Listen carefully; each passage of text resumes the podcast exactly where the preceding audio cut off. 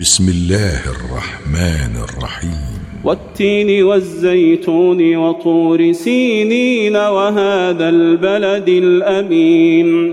لقد خلقنا الإنسان في أحسن تقويم ثم رددناه أسفل سافلين.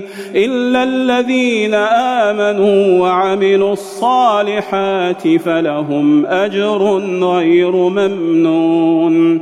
فما يكذبك بعد بالدين. أليس الله بأحكم الحاكمين؟